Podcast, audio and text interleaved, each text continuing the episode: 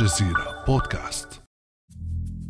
اثنتا عشرة ألف تغريدة غزت الفضاء الرقمي التونسي خلال 24 ساعة فقط منذ لحظة إعلان الرئيس التونسي قيس سعيد إقالته للحكومة وتوليه السلطات التنفيذية. وذلك في عملية إعادة توجيه عبر الفضاء الرقمي تمت تحت هاشتاغ تونس تنتفض ضد الإخوان. أدوات رقمية بحتة سعت لإعادة هندسة الجماهير ونواتها الصلبة مغردون بحسابات خارجية فيما كشف خبراء في مجال تحليل البيانات والإعلام الرقمي كشفوا عن عملية تحايل رقمية كبيرة تهدف لتوجيه الرأي العام التونسي إلى سياسات حرجة فما هي البروباغندا الرقمية؟ وكيف يتم التلاعب بالأرقام والبيانات التي تصل إلى الجمهور عبر وسائل التواصل الاجتماعي؟ وهل يمكن لمواقع التواصل الاجتماعي أن تضلل الجمهور وتوجهه إلى ما يريده من يقف خلف شاشاتها؟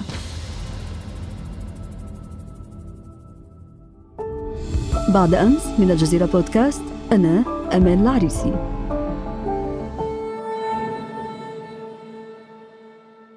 ويسعدني اليوم أن أناقش هذه الأسئلة وغيرها مع الأستاذ عمار محمد مستشار التسويق الرقمي. أهلا بك أستاذ عمار. أهلا وسهلا أمال. وحقيقة أنا أسعد لأنه صرنا أكثر من عشر سنوات ما التقيناش. صحيح. من الفضاء الرقمي إلى فضاء الواقع اللقاء بعد عشر سنين. أوه ما شاء الله مدة طويلة. ولكن بعدك شباب. أكيد إن شاء الله. دائما شباب المعلومات وشباب القلب مثل ما يقولون. يلا في انتظار كل المعلومات اللي سنتحدث عنها اليوم في حلقتنا. موضوع مهم ولكن في البداية أستاذ عمار لو تشرح لنا من ناحية تقنية ولكن بشكل مبسط حتى نفهم جميعا ما الذي حدث في تونس؟ ما قصة هذه الأعداد الضخمة؟ من التغريدات في ظرف زمني قصير. هو شيء طبيعي خلال استخدام مواقع التواصل الاجتماعي أن تظهر بعض الظواهر الإيجابية أو السلبية بغض النظر عن مكنون هذه التغريدات. عندنا جانب اسمه البروباغندا. البروباغندا هي مجموعة من نشر معلومات أو حقائق.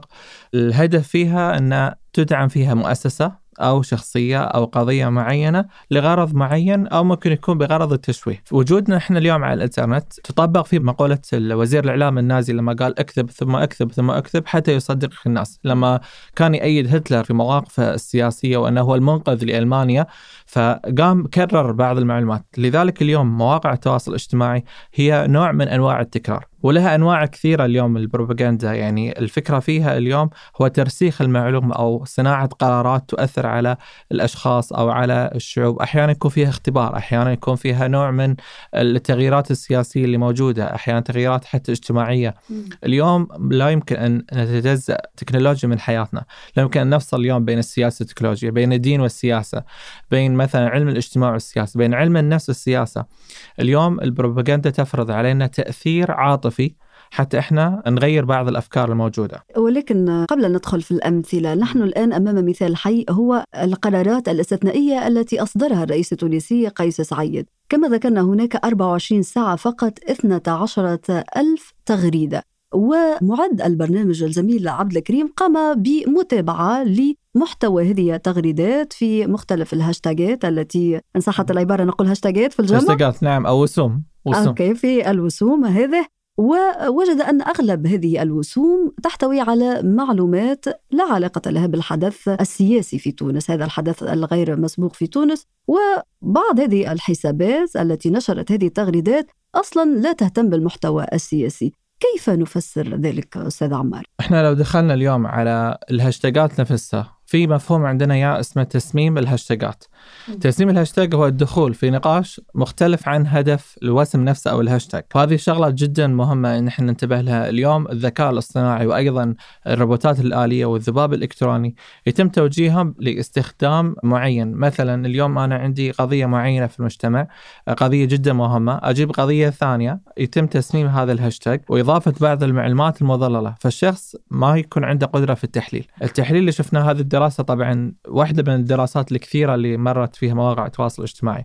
التأثير اليوم على موقع مثل تويتر كونه منصة أخبارية وليست منصة تدوين مصغر تعطينا اليوم أن هناك من يصنع سياسات الدول والشعوب وأيضا يتبنى بعض المواقف ببعض التغذيات اللي ممكن تكون مزورة أو مزيفة وهذه نقطة جدا مهمة.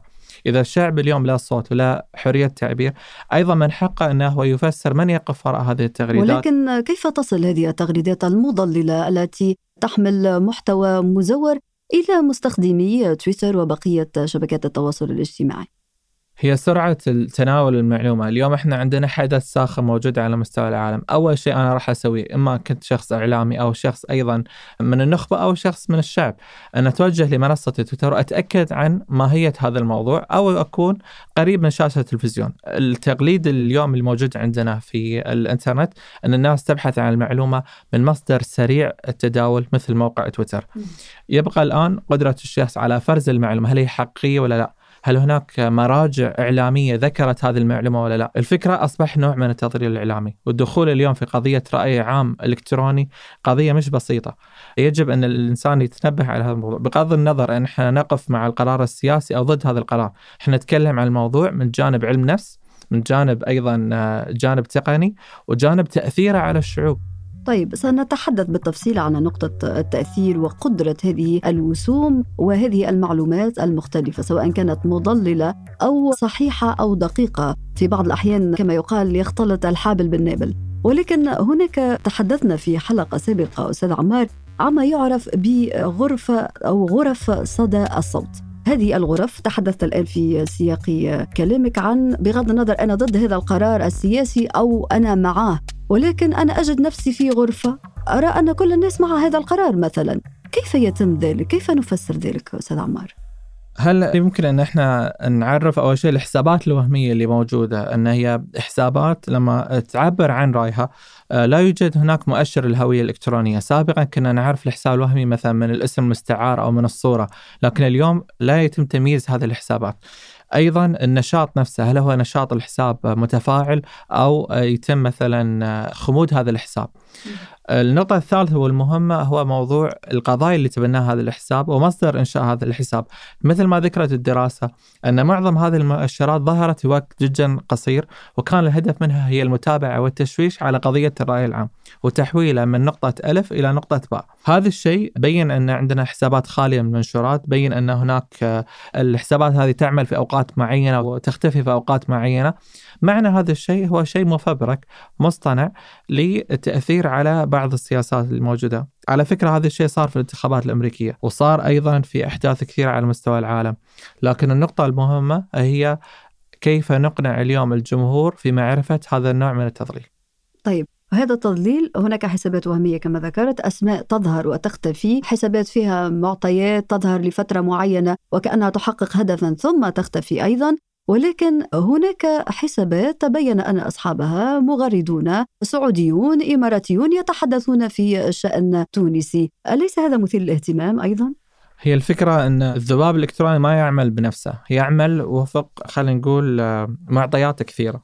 أول نقطة أنه يكون في هناك تلاعب بالصوت والفيديو وأيضا بالصور لخدمة الهاشتاج هذه نفسه أيضا يتم استخدام شخصيات إعلامية وأكاديمية لها وزنها في المجتمع لتأييد هذا الموضوع من زوايا مختلفة أيضا الانتشار بشكل مكثف على وسائل الإعلام وصفحات مواقع التواصل الاجتماعي في زمن جدا قصير. يأتي ذلك أيضا في شن حملات تبليغ على الحسابات اللي تنافي الحقيقة.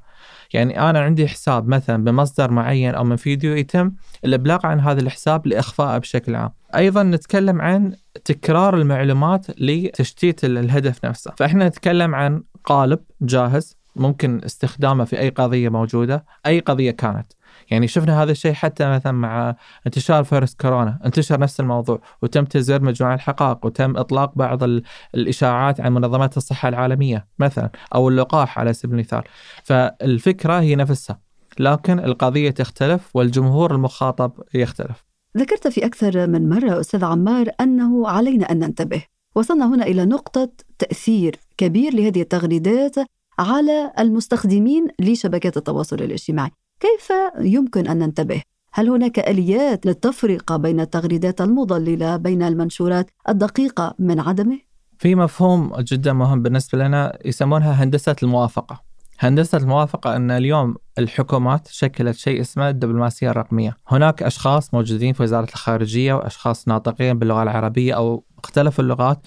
يتم دفع مبالغ لهم للتواجد الرقمي لعمل بروباغندا سياسية على الإنترنت، هذه تختلف عن البروباغندا اللي إحنا نتكلم فيها، لأن هذه اليوم إحنا نعرف من يقف وراء هذا الشيء، ونعلم أيضا تأثير هذه القرارات بعد فترة معينة، يعني شفنا قضية مثلا كل الناس اليوم تقف ضدها.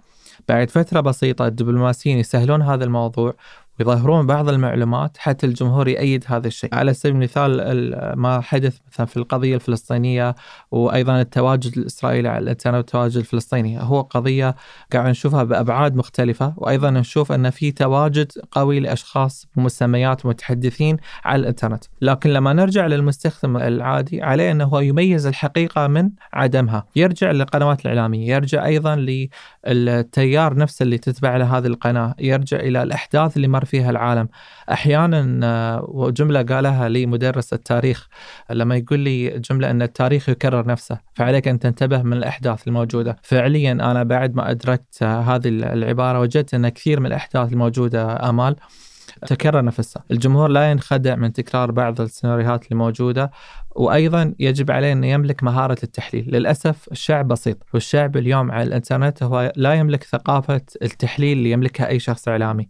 وأيضا قنوات الإعلام هي قنوات مسيرة وليست مخيرة فبالتالي المسؤولية اليوم مسؤولية فردية وأيضا مسؤولية جماعية. علينا اليوم حتى نزرع هذا الشيء في مدارس الأطفال وأيضا في الجامعات على موضوع الرأي العام الإلكتروني. هي قضية جديدة ويجب أن تدرس في حتى كليات الإعلام وأيضا في الجامعات لأن هذا الشيء إحنا نسميه تأثير لا محدود. ممكن اليوم نتأثر أجيال معينه تتغير، اليوم في مجتمعات عربية لا تتحدث اللغة العربية، ليش؟ هذا الشيء مر على عناصر معينة ومر على سلوكيات معينة أثرت على هذا المجتمع، فإحنا ما نبغي هذا الشيء يصير. لأي مجتمع هو ما يختار هذا القرار بنفسه إنما يتم التأثير عليه من الخارج.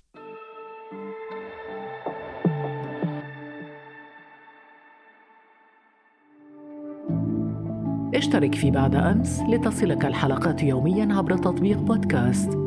تواصل معنا عبر صفحات الجزيرة بودكاست على فيسبوك تويتر وإنستغرام. هذا التأثير يبدو أنه كبير جدا أستاذ عمار كما تحدثت. مسألة تدريس هذه المخاطر والتوعية بضرورة حسن التعامل مع مختلف المحتويات تقدمها وسائل التواصل الاجتماعي هذا مطلوب أكيد. ولكن أستاذ عمار نحن الآن لم ندرس مثل هذه الأمور ونتعامل بمجرد فتحنا لحسابات في شبكات التواصل الاجتماعي مع كم هائل من المعطيات والمعلومات إن صحت أن نقول عنها أنها معلومات. فبالتالي هل هناك آلية بسيطة؟ بسيطة يعني أحيانا إحنا نريد أن نصدق الأشياء التي تنشر okay؟ لأنها ربما تتجه في اتجاه الرأي الذي نؤيده. okay. أو أن هناك مستخدمين لهم تأثير. أي دور للمؤثرين في هذا المجال؟ المؤثرين في التواصل الاجتماعي هم أشخاص آه، أيضا لهم حرية الاختيار لكن حسب ما يدفع. أنا اليوم آه، أحصل مبلغ مثلا معين آه، أكيد راح ايد هذه القرارات وأتماشى معها وغيرها. اليوم يتم تغيير الإنسان من نقطة إلى نقطة حتى لو تم إثبات يعني عكس ذلك في الإنترنت. اليوم كل شيء مؤرشف. يعني شفنا أشخاص اليوم مواقفهم آه، من آراء دينية أو آراء سياسية هم يقفون ضد هذا الموضوع. بعد فترة بسيطة نفس الشخص يتكلم بالموضوع بطريقة مختلفة. أيضا ينافي الحجة اللي هو كان يدافع عنها. فالمجال اليوم هو مجال تشكيك في هذا الشخص. إيش صار معاه؟ ليش هو قاعد واقف آه، بهذه الطريقة؟ ولكن المشكلة أيضا أنه الذاكره قصيرة. ذاكرة المستخدمين قصيرة.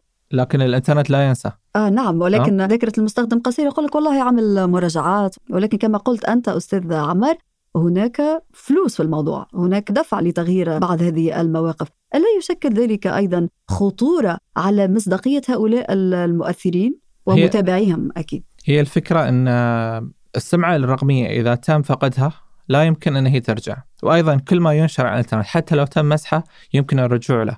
فبالتالي ترجع إلى الإنسان وقيمه وسماته الشخصية الموجودة. هل هو إنسان ذو فطرة سليمة اليوم يتواجد على الإنترنت ويدافع عن قضايا الإنسان ويدافع عن المجتمعات بحرية أو هو شخص مسير لأجندة معينة ويقف وراءها؟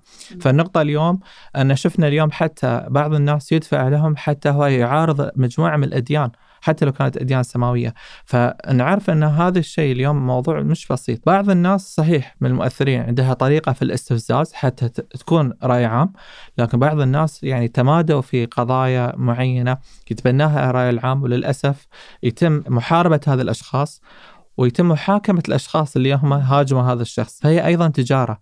اليوم تجارة أن أنا أغرد بموضوع معين وتجارة أيضا أن الناس تتهاجمني فبالتالي أربح هذا الموضوع في المحاكم.